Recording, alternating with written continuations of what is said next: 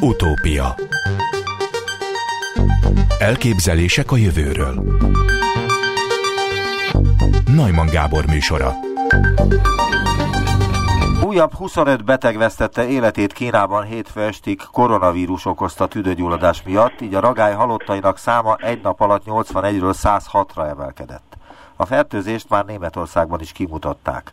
A biztosan a koronavírustól megfertőződött tüdőgyulladásos betegek száma 4515-re nőtt a vasárnap esti 2835-ről. Közülük 976-nak válságos az állapota, egy nappal korábban 461 ennyire súlyos esetet jegyeztek fel, közölte a kínai Nemzeti Egészségügyi Bizottság.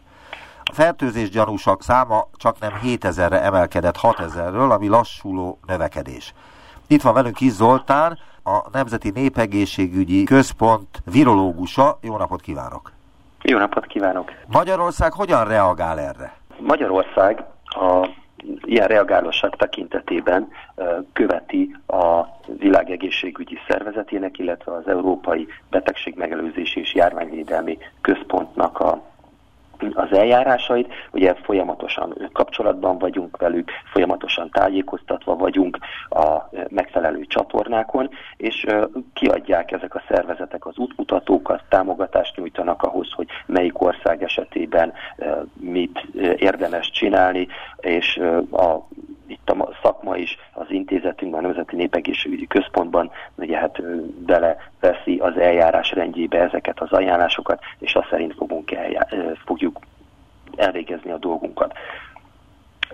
Fontos, ebből a szempontból egy fontos momentum, ugye a kórokozót, azt mivel hogy a légúti tüneteket okoz, ezért, és nagyon sok minden okoz, főleg a téli szezonban légúti tüneteket, ezért ugye megfelelően ki, fogjuk, ki tudjuk mutatni, ugye erre már az elsődleges diagnosztikus, tehát az olyan eszközök, amik ki tudják mutatni a vírust, azok már megérkeztek ide az intézetben, itt a kollégáim folyamatosan dolgoznak velük, hogy minden hatékonyabban, minél jobban tudjuk használni.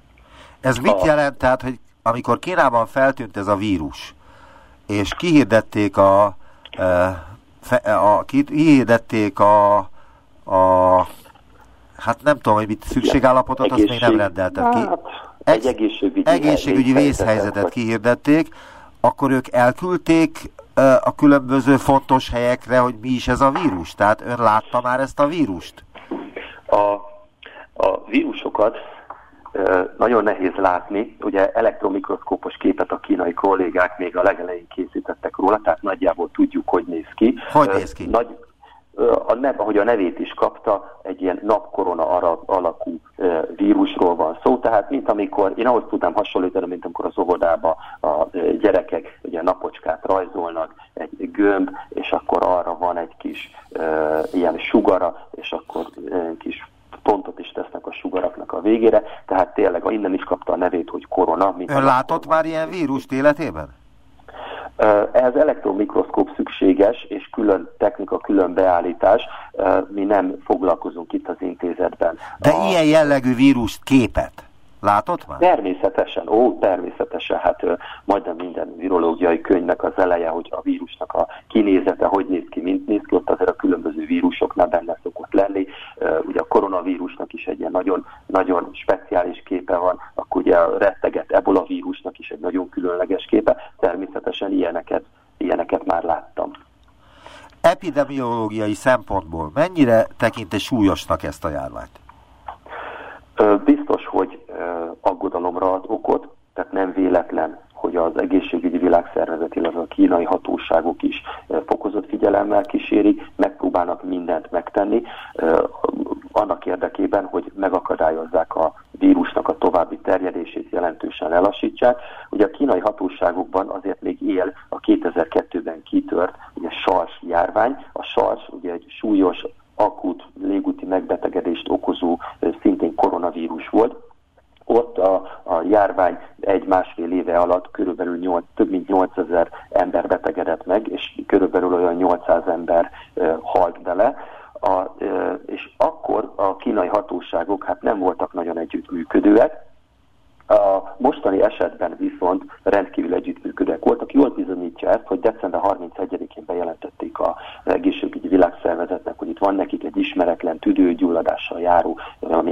megbetegedésük, és néhány nappal később elérhetővé tették, amint ők is meg tudták fejteni, hogy ez egy új koronavírus, elérhetővé tették a koronavírusnak a genetikai összetételét. Ez azért fontos, mert ez az, ez az alapja, ez a kulcs ahhoz, hogy megfelelő diagnosztikát ö, olyan anyagot tudjunk előállítani, amivel ki tudjuk mutatni ezt a vírust. Ez kulcs ahhoz, hogy a későbbi folyamat, későbbi vizsgálatokban meg tudjuk érteni, hogy terjed ez a vírus, mint terjed, honnan jött ez a vírus, de, és talán az egyik legfontosabb, hogy a vakcina kutatásokat is el lehet indítani, amíg nincs a kezünkben, hogy ez micsoda, kicsoda, addig, addig azokat a, a kísérleti vakcina kutatási eljárásokat sem tudják ugye elővenni, és ugye ehhez a helyzethez illeszteni. Milyen vakcinákat fognak készíteni, fognak készíteni egyáltalán, mert hogy a vírust a mai napig nem tudjuk legyőzni? Ö, igen, de tehát próbálkozunk. Itt a vírus legyőzésére azért itt két fő irány, irány ö, lesz. Az egyik a járványügyi szabályoknak a, az alkalmazása, a valószínű... Mármint, hogy, hogy ne kapjuk meg ezt a betegséget. Ez ne kapjuk meg, Igen. és megakadályozzuk, nagyon fontos, hogy megakadályozzuk a terjedését. A másik oldal ugye az a vakcina. Most, hogyha először a vakcináról beszélünk, az azért ez egy hosszabb idő lesz, hosszú hónapok, évek, esetleg egy-két év is el fog telni, még ebből vakcina. Az alap már van, mert ezzel ellen a sarsvírus ellen azért fejlesztettek kísérleti vakcinákat, ezt most próbálják módosítani, hogy megfelelő legyen ehhez az új koronavírushoz, de azért itt egy vakcinának még ezt meg elkezdik legyártani a kísérleti adagot, még megnézik, hogy ez nem -e veszélyes, tényleg hatékony-e, tehát ezek etikai engedélyeztetés. De mire szól ez a vakcina? Tehát mi a, a, a jogosítvány ennek a vakcinának? E, vakcinának? Ennek a vakcinának elsősorban az lesz a jogosítványa, hogy hasonlóan az ebola vakcinához, hogy megakadályozza a fertőzést. Tehát általában az ilyen típusú vakcinák azok nem fognak gyógyítani. Ezek mindig a megelőzésben játszanak szerepet. A gyógyításra ugye elindultak a vírus ellenes szereknek a kutatása, elővettek olyanokat, amik a sars ellen úgy tűnik, hogy hatékonyak voltak, hogy azok hatékonyak-e itt az új koronavírus ellen. Ez megint egy hosszú folyamat. Ott már a gyógyításban is jobban szerepet fognak kapni. Mit szól ahhoz, hogy az ökológusok szerint a globális felmelegedés következtében világjárványok jönnek, és szerintük ez a mostani koronavírus járvány is ebbe tartozik bele, ebbe a globális felmelegedés okozta járványvilágba. Ez a kérdés egy kicsit azért ettől komplexebb, mint hogy egy okot ki tudjunk emelni. Az biztos, hogy a globális felmelegedésnek nagy szerepe van abban, hogy járványok jelennek meg. Mi, miért van nagy szerepe? Miért van nagy szerepe? Azért, mert melegedik az éghajlat, és itt Magyarországon is megfigyeltük, hogy olyan kórokozói és azoknak a terjesztői, a vektorok jelenhetnek meg, amelyek korábban 20, 30, 40, 50 évvel ezelőtt még egyszerűen kifagytak volna Magyarországról, mert akkor még, még mínusz 20, mínusz 30 fok az elfogadott volt, télen sokkal hidegebbek voltak, csapadékosabb volt. Globális felmelegedés hatására például a krími kongói vérzéses lázadterjesztő egyik kullancs fajta fő, fő terjesztője, az most már bizonyítottan itt van Magyarországon, tehát meg tud maradni. Ugye sorra jönnek meg a híradások, hogy a mediterrán országokban megjelennek trópusi betegséget terjesztő szúnyogok. Azokat nem viszi el a tél, hanem egyszerűen az enyhe terek miatt túl tudnak élni. Tehát ebből a szempontból ez mindenképp fontos. Nagyon fontos a globalizáció, Ugye most már utazni szinte pár óra alatt el lehet jutni a világ egyik pontjáról a másikra. Ugye nő az embereknek a, a egyre több és több ember él a Földön, egyre jobban terjeszkedik az ember, egyre jobban behatol a vadvilágnak a területére, egyre gyakrabban fordul elő az ember-vadállat kapcsolat, és ugye itt Kínából is, Kínában is nem véletlen, hogy egy állatpiacot gyanúsítanak azzal, hogy onnan indultak ki az első esetek, ott lehetett egy állat, amit még nem tudunk pontosan, hogy mi ugye a, a kígyót azt most már egyre többen cáfolják meg, valószínű, hogy denevért lehetett, de ezt még, ez még kutatástárgyát képzi. Szóval a nem megfelelő higiénés körülmények, a szoros állatkontaktus, a vadállata házi állattal van együtt, ott van az ember is, Ezek mind-mind azok a faktorok, amik hozzájárulnak ahhoz, hogy, hogy járványok tudjanak kialakulni. Olyan járványok, amik ugye ilyen zoonotikusak, tehát állatokról kerülnek ugye ember, emberre, és megfelelő mutáció révén onnantól kezdve tudnak termel, terjedni embertől, emberről emberre. Azt hiszem, hogy tegnap előtt hallottam egy szakembertől, hogy még olyan nagy veszély nincsen, mert hogy másodlagos fertőzést még nem jegyeztek fel, ami ugye azt jelenti, hogy megkapja valaki a betegséget, vagy ezt a koronavírust bekapja, és ö, utána tőle kapja meg valaki. Tehát ilyen fertőzéseket még nem jegyeztek föl, de gondolom ez már lehet, hogy megtörtént. Fertőzéseket, azt, azt, hogy emberről emberre terjed, olyat már azért lejegyeztek, nem is egyet, ugye ezért is ö, áll még fent a járvány. A, ö, amit nem tudunk pontosan, az az, hogy milyen mértékben terjed emberről emberre. Feltételezzük, hogy a szoros kontaktus szükséges hozzá. Eddig, amíg hivatalosan megjelentek esetek, abban ott mindig szerepe volt, hogy közeli családtag, közeli hozzátartozó, vagy pedig nagyon sokáig együtt egy, egy légtérben tartózkodott a beteg, beteg emberrel. Hát úgy viselkedik, Tehát, mint az influenza vírus. Kicsit úgy viselkedik, mint az influenza vírus. Miért egy kicsit? Ott is, ott is. Azért azt mondom, hogy kicsit, mert az influenza vírus már sokkal jobban ismerjük, a, azt tudjuk, hogy ő azért a légtér, légtéren keresztül sokkal jobban terjed úgy tűnik, hogy eddig ismereteink szerint, tehát ezt hozzá kell tenni, hogy ez még azért annyira új ez a dolog, hogy ugye folyamatosan jönnek az új adatok, és azért nehéz itt néha elkülöníteni, hogy mi az, ami, ami, amit végül igazol az élet, és mi az, amit nem. Szóval azért a, a korona, ez az új típusú koronavírus még nem, nem olyan hatékony a légutakon keresztül történő fertőzésben. Tehát egy influenzással, hogyha mondjuk egy légtérben vagyunk egy szobában, akkor akkor sokkal könnyebben meg tudunk fertőzni. Úgy tűnik, és ez is egyelőre még a nemzetközi ajánlás, hogy a koronavírusnál azért, hogyha a két lépés távolságot megtartjuk, illetve hogyha a betegre tesszük a sebészi maszkot, akkor azért ezt nagy mértékben tudjuk csökkenteni azt, hogy össze megfertőzzön egy másik embert. És természetesen nagyon fontos szerepe van az influenzánál is, az új koronavírusnál is, a készhigiénének. Tehát ezek nem csak légutakon keresztül terjednek, tehát sokan azt hiszik, az influenza meg a nátha, ezek úgy terjednek, de nem, az esetek jó része az úgy fertőződik meg az ember, megfogja a fertőzött ö, felszínt, például egy egyszerű náthánál mondjuk a közlekedési eszköznek a a kapaszkodóját, nem mos kezet, és akaratlanul hozzáér az orrához, megpiszkálja a szemét, megtörli a száját, és már kész is, meg is fertőző. Tehát ez a kontaktmód, ez itt is egy fontos. Ezért, ezért hangsúlyozzuk sokszor, hogy a kézmosás, kézmosás, kézmosás. Egy másik szakembertől azt hallottam, hogy ez egy fontos eleme ennek a járványnak, ennek a koronavírus járványnak, hogy hogy az ember még nem találkozott ilyen típusú vírussal, mert hogy az influenza vírusokat megszokta már, az évtizedek során kapott esetleg influenza elleni oltást is, tehát hogy ezt a típust már úgy ismeri, tehát könnyebben tudja a szervezet valamilyen módon ezt e, e, lereagálni, de viszont ennél a koronavírusnál ilyen nincsen. Nincs tapasztalat, nincs múlt a szervezetben. Ez fontos tényleg?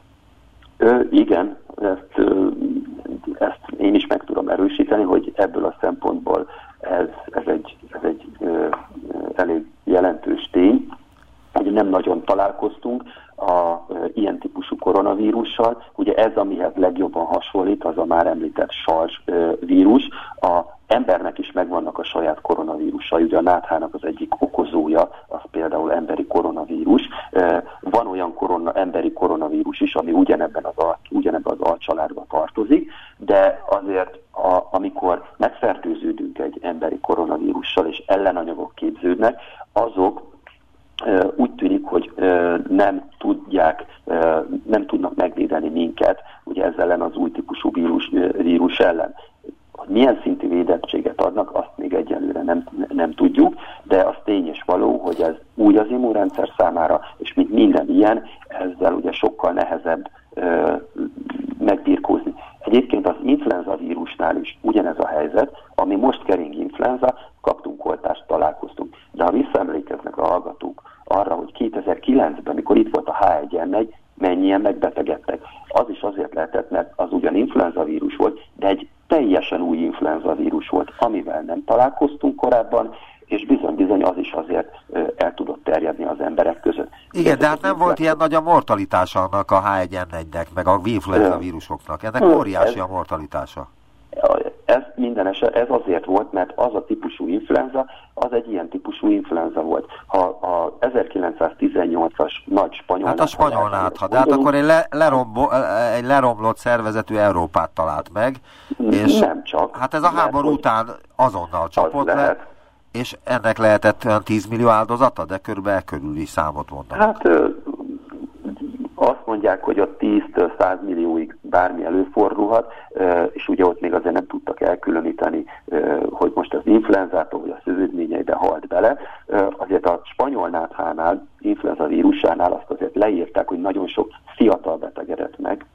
Miért a fiatal? Mert a ő immunrendszerük erősebb volt, mint egy idősé, és egyszerűen a spanyol nátha az ö, úgy felpörgette a fiatalok immunrendszerét, ami amúgy is erősebb volt, hogy gyakorlatilag túlhajszolta, egy olyan gyulladást generált, tatott vele, hogy végül hát abba halt bele a sok fiatal. Tehát a spanyol nátha ebből a szempontból egy kicsit kilóg a sorból, mert itt is, ha megfigyeljük az adatokat, az új koronavírus az idősekre, akinek valamilyen társbetegsége van, magas vérnyomás, súlyos valamilyen légzőszervi megbetegedése, súlyos cukorbetegsége, főleg ők halnak meg. Hát ugye ők, ők amúgy is érzékenyebbek a normál influenzára és a normál fertőzésekre. Elmondaná azt, hogy hogy hazánkban milyen fokozatai vannak a járványveszélynek? Mik a legenyhébb intézkedések és mik a legdurvábbak? Ezt, ezt nagyban függ attól, hogy milyen típusú az adott kórokozó. Mondjuk erről a koronavírusról van szó. Hát erről egyelőre, amit most tudunk, itt mindig követjük, ahogy mondtam, a nemzetközi ajánlásokat, hogy ugye azért ezek összehangoltan menjenek. Amit most jelenleg életben van léptetve, ugye tájékoztatva vannak betegellátó intézmények, a házi orvosok is talán ebbe a pillanatban kapnak egy frissebb tájékoztatást. A elkészült egy eljárásrend, hogy akkor, hogyha valahol mégis felbukkan, akkor megfelel a, ki vannak adva kritériumok, szintén nemzetközi ajánlás alapján, hogy mi alapján minősíthetünk valakit koronavírus fertőzöttnek gyanússal. Ugye nagyon sok kérdés hogy hát ő akkor találkozott egy kínaival, vagy Kínából csomagot kapott, és most akkor neki van hőemelkedése, láza, és feltétlen vizsgáljuk meg, mert ő biztos elkaptak. Tehát ez nem így működik. Ha megfelel a, a, a kritériumoknak, akkor az egészségügyi szolgáltató ugye az eljárásrendet elkezdi követni, a László kórházban volt sars esetében kijelölve, ugye most is ö, ők lesznek kijelölve, hogy aki megfelel a kritériumoknak, akkor oda kerüljön, ott leveszik szakszerűen a mintát, áthozzánk hozzánk a laborba, mi pedig elvégezzük a vizsgálatot, és hogyha pozitív, akkor ott tartják, ha negatív, akkor pedig ugye elengedik. De fontos, hogy meg kell felelni a kritériumoknak, mert aki nem felel meg, annak nincs értelme vizsgálni. Ugye, ha ha találnak ilyen beteget Magyarországon, önöknek kötelező ezt jelenteni? Tehát a nyilvánosságnak meg kell ezt tudnia? Azért a nyilvánosságnak nyilván nagy szerepe van, és azért átlátható módon működünk mi is, tehát természetesen a, a nyilvánosság tájékoztatva lesz, de még fontosabb, hogy a Nemzet az Egészségügyi Világszervezetet, az Európai Járványvédelmi Betegség Megelőzési Központot is tájékoztat, tájékoztatnunk kell. Tehát ilyenkor például az Európai Unióban, amelyben amúgy is szorosabbak a kötelékek, mint más egészségügyi szervezetekkel, felvették egymással a kapcsolatot, hogy reagálni tudjanak erre a vírusra, illetve ennek a vírusnak a áldozatai következtében létrejött helyzetre? Természetesen, de ezt nem csak most vettük föl, hanem erre gyakorlatilag van egy jogszabályunk is, jól tudom, a 2009-es évi 41-es törvény az egészség, a, a nemzet közi egészségügyi rendszabályok magyarországi alkalmazásáról szól ez a jogszabály, és az alapján nekünk ugye megvannak ezek a típusú kötelezettségeink. Tehát ez itt törvény, törvényerőre van emelve. nem csak nálunk, hanem Európa többi országába is, az összes európai országban jelentő rendszerek vannak. Nálunk fönt van tartva egy központi ügyelet, ami éjjel-nappal vannak a központi ügyeleten, hogyha bármilyen információ bejön, akár az Európai Unió területéről, akár a világról bárhol, arról rögtön értesülünk. Tehát például ilyenről is, hogy Bolíviában 40 embernek vérzésesszerű lázas tünetei jelentkeztek egy adott régióban, erről mi rögtön értesülünk. Tehát tájékoztató vagyunk, tehát ez egy, ez egy világméretű hálózat. Maszk van, elég? Erre én nem tudok válaszolni, hogy van-e maszk, elég, mi ugye nem foglalkozunk. Tehát ez is hozzátartozik a védelemhez? Hozzátartozik a védelemhez, de azt nem tudom megmondani, hogy ez nem Jó, az én világos. hogy van-e maszk. Az egészségügyi szolgáltatóknál nyilván lenniük kell, hisz az ott náluk úgy tudom, hogy előírás. Tehát nem önök dirigálnak ebben a megelőzési kampányban, illetve ha esetleg ide is eljut ez a vírus, akkor nem önök, nem a Nemzeti Népegészségügyi Intézet, illetve a központ a főnök ebben a védekező munkában? De a, a Nemzeti Népegészségügyi Központnak ugye a hangsúlyos szerepe van, és ahogy mondtam korábban is, a, ki lett adva egy eljárásrend a kórházaknak, és ez az eljárásrend, ez többek közt arra is kitér, hogy milyen védőeszközöket kell használni a kórháznak, eh, hogyan kell kezelni a beteget, hol kell elkülönítenie, a, milyen mintatípust kell levennie, hogy kell a mintát csomagolva a laborba juttatni. Tehát, eh, hogyha ebből világjárvány lesz, akkor elmondhatjuk azt, hogy Magyarország fel van készülve rá. Mi igyekszünk, és és mi erre most föl vagyunk készülve, hogyha itt megjelenik, akkor, akkor adekváltan tudjuk kezelni a helyzetet. És ugye ebben nagy segítségünkre vannak a nemzetközi szervezetek is. Nagyon szépen köszönöm. Kis Zoltán, a Nemzeti Népegészségügyi Központ virológusa volt az utópiában. Viszont hallásra. Köszönöm szépen, viszont hallásra. Utópia Kaptam egy levelet egy hallgatónktól, aki egy komoly fizikai elméletet dolgozott ki, és megosztotta az elméletét velem, és akit most az utópiában üdvözlök, üdvözlöm Borz Miklóst, jó napot kívánok! Jó napot kívánok! Örülök a meghívásnak, és remélem, hogy az utópia műsorához illően valami utopisztikus dolgokról beszélgethetünk. Mondaná egy pár szót saját magáról? Uh, Hát ez ügyben tudom, a legfontosabb az, hogy nem vagyok sem fizikus, sem atomfizikus, sem ö, asztrofizikus, egy érdeklődő ember vagyok, aki, akit nagyon érdekel a csillagászat, érdekel a világ mindenség története, keletkezése, és ezzel kapcsolatban ö, gondolkoztam bizonyos dolgokról. Hát azt, hogy mi nem, azt már tudjuk, de hogy mi igen, azt nem. Uh, tulajdonképpen ez uh, nem fontos, uh, alapvetően sajtó, média területén dolgoztam egész életemben, tehát egy érdeklődő ember vagyok. Ehhez kapcsolódik a végzettségem is, úgyhogy beszéljünk Fog, inkább. Foglalkozott valamikor csillagászattal vagy atomfizikával? Csillagászattal, atomfizikával a saját kis távcsöven és ülve a teraszomon foglalkoztam, és amit a iskolai tanulmányaim engedtek meg ebben a dologban annyi volt, és hát folyamatosan érdekel a kérdés, mert nagyon izgalmas az egész galaktikus létezésünk, a világ mindenség történései. Mm, egy érdeklődő amatőr vagyok. Mióta foglalkoztatja az ősrobbanás? Hát az ősrobbanás, amióta először hallottam róla, azóta foglalkoztat, ami igazán ugye én 67 éves vagyok, a gimnazista éveimben hallottunk először erről a fogalomról egyáltalán, és bármi információm azóta is ezzel kapcsolatban közelembe került, az érdeklődéssel figyeltem és hallgattam. Tanulmányozta is a különböző ősrobbanás elméleteket? Hát ami publikusan ugye nem, nem tudományos folyóiratokban, hanem ami kapható volt könyvesboltokban, és hozzáférhető, azt lehetőség szerint ö, elolvastam és tanulmányoztam. És mi a véleménye a Stephen Hawking féle ősrobbanás elméletről? Mert az megjelent mindenhol, tehát az egy populáris igen, valami igen. volt, könyvben is megjelent Magyarországon. Igen, speciál az ő könyvét, ő elméletét erről nem olvastam.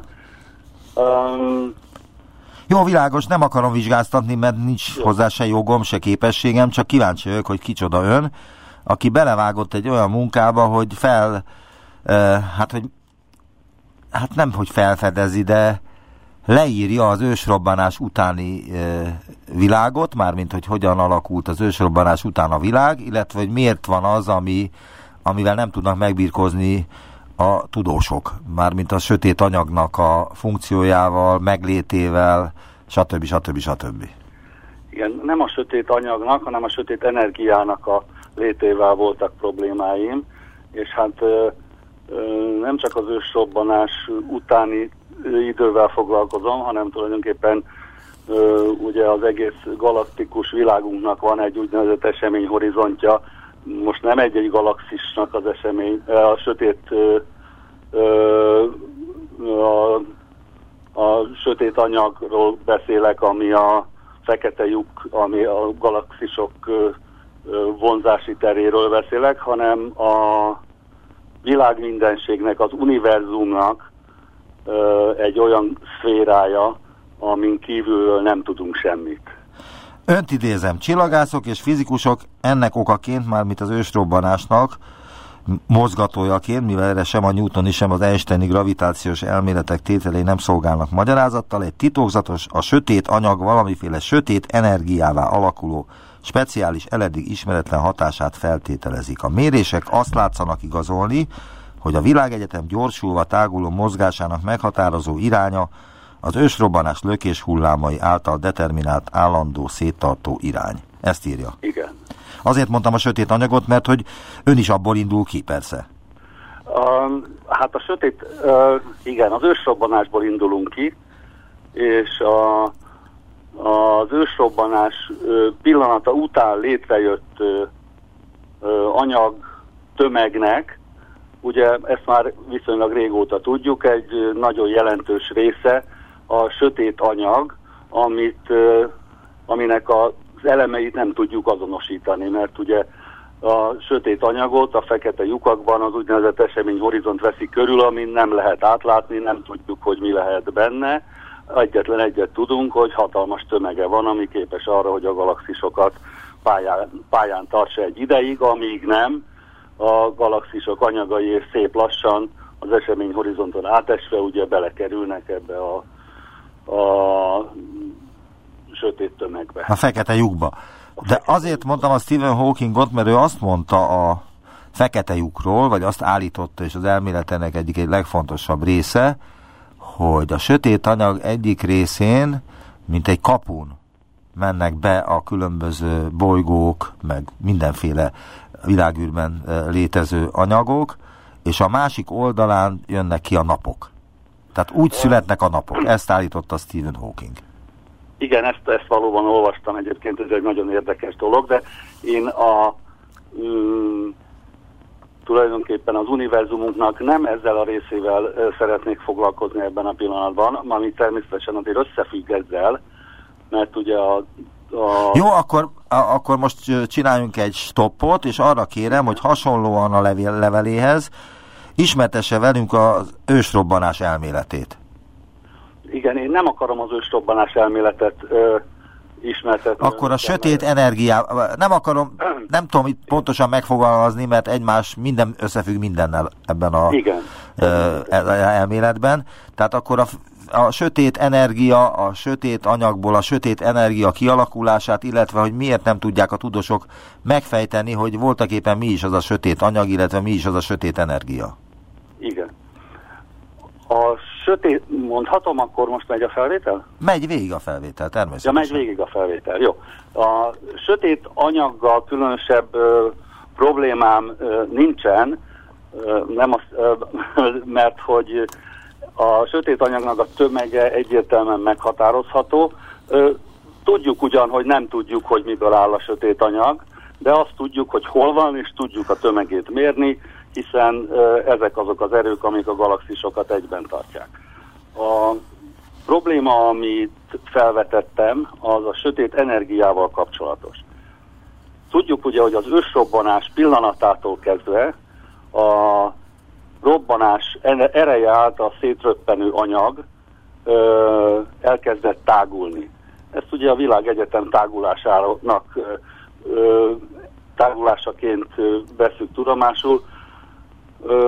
Woody Allen is foglalkozott a világegyetem tágulásával, de más értelemben. Tehát ez a tágulás azóta folyamatosan tart, és a tudósok, kutatók mérései egy időben azt látszottak igazolni, hogy ez az egyéb robbanásokhoz hasonlóan egy, viszony, egy ö, változatlan irányú, tehát folyamatosan táguló, de lassuló tendenciát mutat. Majd az utóbbi ö, évtized, években, évtizedben különböző mérések ezt a, az eredményt elbizonytalanították, és kiderült, hogy szó sincs arról, hogy a, a gyorsulás csökkenne, tehát lassulna a világegyetem tágulása, ezzel egy ellentétes tendenciát tudtak mérni, és hát ma már ez a, ezek a mérések oly gyakran ismétlődtek meg, hogy ez már bizonyítottnak tekinthető. Mármint a tágulás? A, a, nem, nem csak a tágulás, hanem a gyorsulva tágulás. Tehát, hogy nem sőt, lassul. egy pillanat, sőt, hát olyan elméletek is vannak, hogy hát a világ, a világ mindenség tágulása az a nap a fény sebességével azonos, tehát 300 ezer km per szekundum sebességgel tágul a, az univerzum, és a, arra is rájöttek, ha bár ez is egy hipotézis még, hogy a minél távolabb lévő égitestek gyorsabban távolodnak tőlünk, mint a közelebb lévő égitestek. Igen, hát itt azt a mozgást modellezték, ugye, hogy egy ideig a robbanás után a, a vonzás törvénye miatt a, a tágulás sebessége csökkent, majd egy idő után elkezdett ez növekedni, és ennek a növekedésnek az okát nem tudják, és ennek a növekedésnek az okát nevezik sötét energiának, amit abból próbálnak levezetni, hogy a Ö... Most elolvasnám, amit ön ír, jó? Igen. Elméletem alapja az a nem kizárható lehetőség, hogy már az ősrobbanás pillanatától számított galaktikus idő kezdete előtt is létezett, létezhetett valamiféle anyag, egy ős anyag, amelyel ki, amelyel ki volt, vagy ki lett töltve a mindenség tere. Igen. Ez a valamiféle gravitálni is képes tömeggel bíró ősanyag, a gravitációs kölcsönhatás elve szerint egyenletes eloszlásban töltötte, tölthette ki, és vélhetően ma is kitölti a galaktikus világon kívüli világmindenség egészét. Engem egy dolog, egy dolgot nem értek, de több dolgot nem értek, mert az egészet nem értem, csak úgy sejtem, vagy kapizsgálom, hogy, hogy honnan veszi, hogy a világmindenség egészén kívül, vagy legalábbis ami a, a, az univerzum, az ismert univerzumon kívül is van valami. Igen, hát itt két lehetőség van, vagy a az ismert univerzumon kívül vagy van a végtelen, időtlen és ö, ö, térben meghatározhatatlan semmi, ö, vagy a másik lehetőség, hogy ö, ugyanott van valami. Ugye ez az ősrobbanás előtti ö, időkre vetíti vissza a ö, tekintetünket, hiszen ö, mint tudjuk, hogy semmiből általában nem lesz valami, tehát amikor az ősrobbanás anyaga felrobbant, annak is valamiből léteznie kellett, és hát fogalmunk sincs, hogy az időtájt, az egész világmindenséget, ami akkor ugye egy időtlen, tértelen világmindenségnek tekinthető, az előző fázisban kitöltötte valami, illetve nem töltötte ki semmi, ezt nem tudjuk. De hát ön arra alapozza az elméletét, hogy, hogy, hogy kitöltötte ott, ott a sötét valami. anyag. Igen. Vagy valamilyen anyag, amelyiknek köszönhetően van ez az úgynevezett sötét energia, így, és ez a tágulás. Így, így van, ez az anyag, ez egyenletesen töltötte ki a robbanás pillanata előtt a világ mindenség terét, majd ugye megtörtént a, a ősrobbanás, az ősrobbanás pillanatában, mint ahogy látjuk, ismerjük és tudjuk a robbanásnak a te, robbanásoknak a természetrajzát, és ez a fő kérdése az én ö, elméletemnek. A robbanásnak a legkülső köre, az úgynevezett lökés hullám az, ö, ami a környező teret elsődlegesen befolyásolja. Ön úgy írja, hagyj olvassam föl, mert ez is része az elméletének természetesen. Igen. Az ősrobbanás keltette tehetetlen száguldásban ugyan a tömegvonzás elve szerint lassulnia kellett volna az univerzum galaktikus tágulásának, feltehetőleg egy ideig lassult is, azonban ez a köré alakult sűrűhéjú, sötét buborék, mely az ősrobbanás keltette lökéshullám következtében maga is egy ideig lassulva szintén tágult, tágult, olyan sűrű tömegé, héjszerű burokká vált, hogy gravitációsan vonzani kezdte a belsejében lévő galaktikus univerzum anyagait. Ez a hatalmas Igen, tömegű... Itt, itt Igen? Közbe kell vágy, vágjam, hogy itt tulajdonképpen arról van szó, mert itt ön már említi ezt a buborékot, amit én ö, írtam.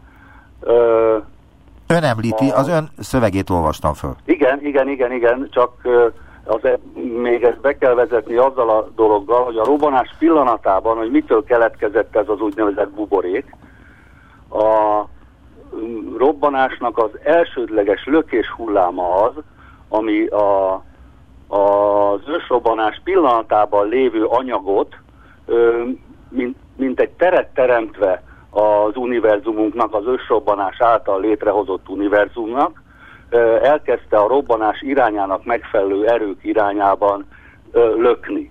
Ezt mint a különböző robbantásokról készült tanulmányokból, képekből, mérésekből lehet látni.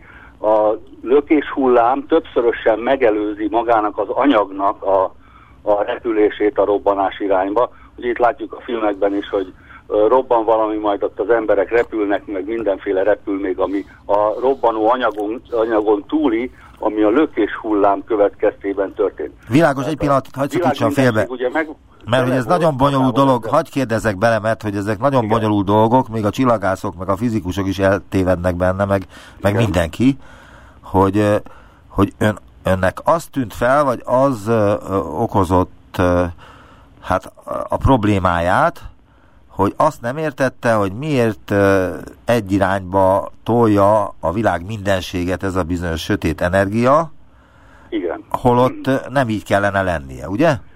Hát igen, mert azt gondolom, hogy ha a sötét energia magából a, a fekete lyuk, illetve a galaktikus elemeknek a tulajdonságából adódik, akkor a, az ebből egy idő után keletkező energia, egyáltalán azt sem tudjuk ugye, hogy egy ideig miért nem volt úgy, ilyen sötét energia kihatása a dolgoknak, és majd egy pillanattól kezdve, egy bizonyos határponttól kezdve, amikortól ugye már nem lassult a, a tágulás, hanem gyorsulni kezdett, akkor az ö, miért ugyanabba az irányba mozgatta, a, ugyanabba a táguló irányba mozgatta tovább a világ mindenség elemeit, mint amiben eddig is mozgott, mert hogyha ez mondjuk a egy-egy galaxisnak a, a fekete lyukjában, a központi magjában, a sötét anyagában keletkező energia lenne, akkor az anyag formájára, természetére ható irányokban lenne logikus, hogy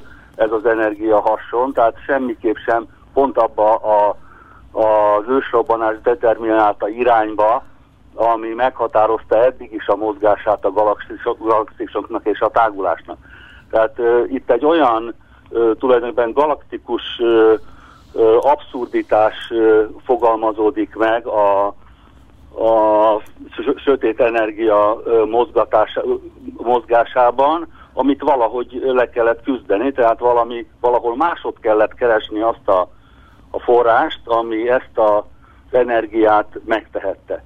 Most az elméletem szerint ugye az ősrobbanás pillanatában a világ mindenséget kitöltötte valamilyen anyag, ami a robbanástól, a robbanás külső lökés hullámától, mint egy felfúvódott és, és egy ilyen sűrűs, egyre sűrűsödő héjat hozott létre, ami héjnak a sűrűsége elérte azt a, a elérte egy nagyon ö, ö, sűrű pontot, amit hát el tudunk képzelni a fekete lyukban lévő sötét anyag természetéből adódóan, hogy ez elképzelhető volt.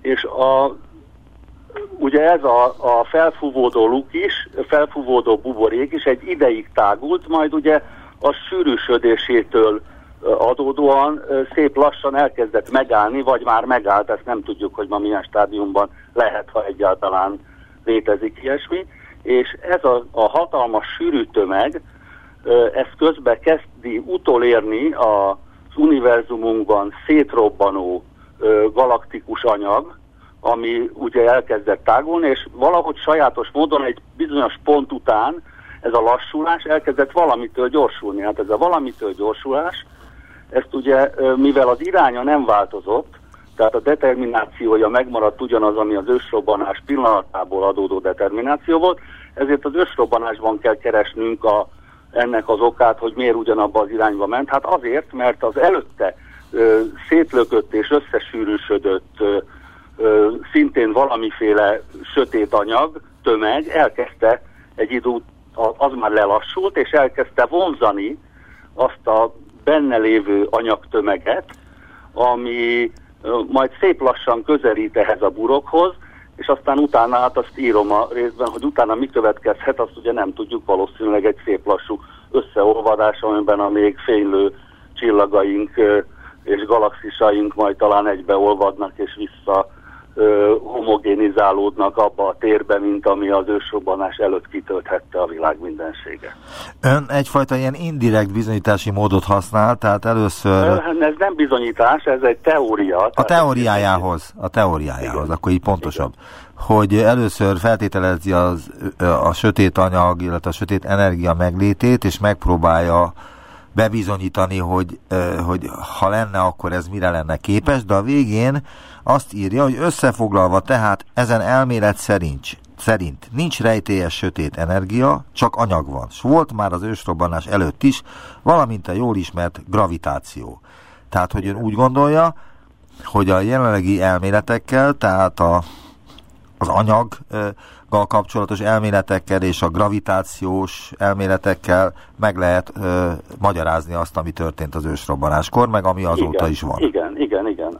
Tehát abban az esetben, hogyha valóban volt ö, anyag, ami kitöltötte a világ mindenségnek ezen részét, ami, ahol, amiben az ősrobbanás történt, és ö, a, ez a robbanás hatással volt arra az anyagra, amiben ö, benne volt a ö, a, a mai galaktikus anyagunk, akkor ez teljesen logikusan magyarázza azt a jelenséget, hogy ö, milyen vonzás keletkezhetett a, a rendszeren kívülről, illetve a rendszer héjához tartozott, tehát tulajdonképpen ez is a galaktikus térhez tartozik, csak ezáltal kicsit kitágul az, az eddig ismert galaktikus terünk, mert a térnek a határa már nem a legkülső galaxisnál húzható meg az univerzum határa, hanem azon túl azt a hatáskört is belevonva, ami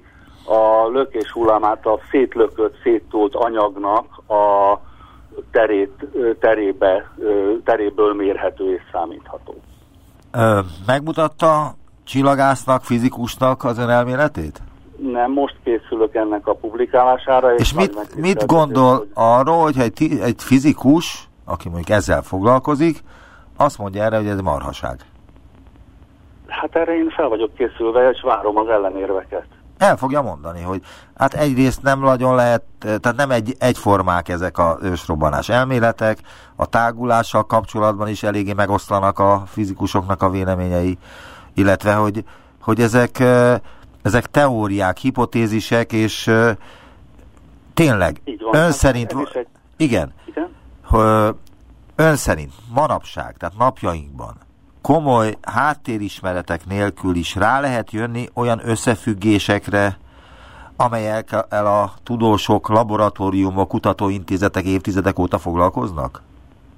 Öm, azt hiszem bizonyos értelemben igen, mert van, amikor a tudásnak egy rendkívül magas szintje egyféle vakságot is okoz, tehát a, a... De hát több ezer vagy több tízezer tudós foglalkozik naponta.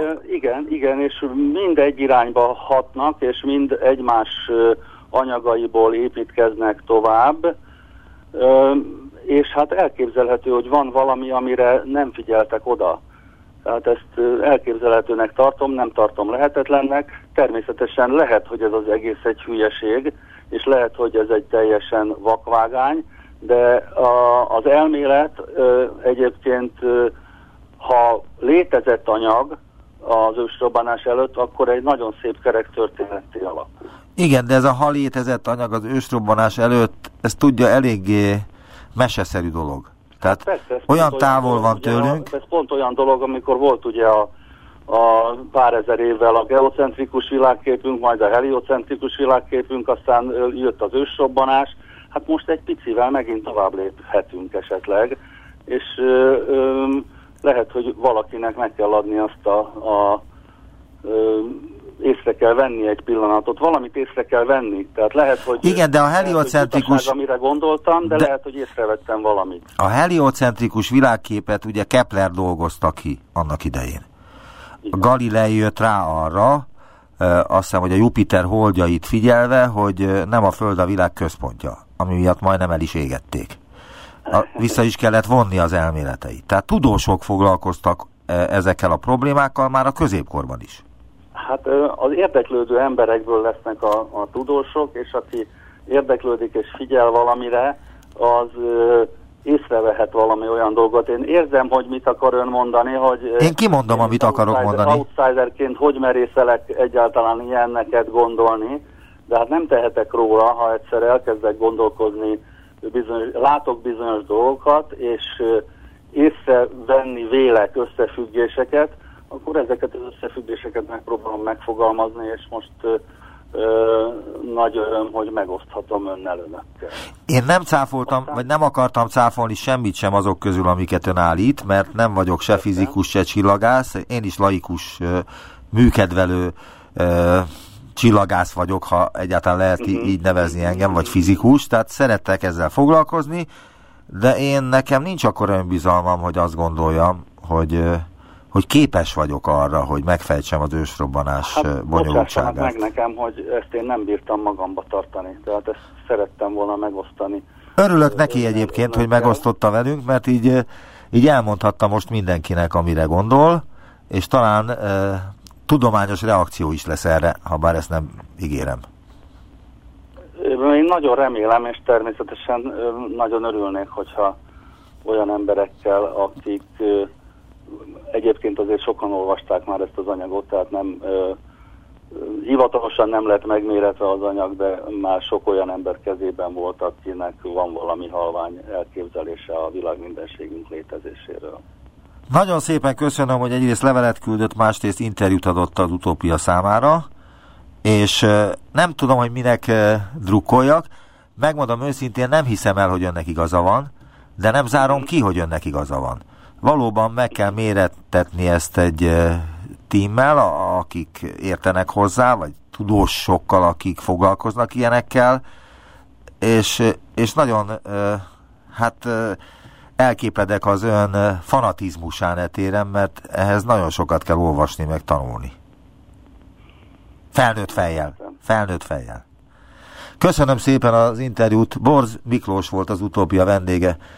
Sok sikert kívánok önnek, és viszont hallásra. Köszönöm, viszont hallásra.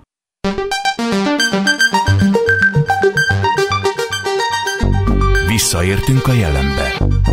Neumann Gábor utópia című műsorát hallották.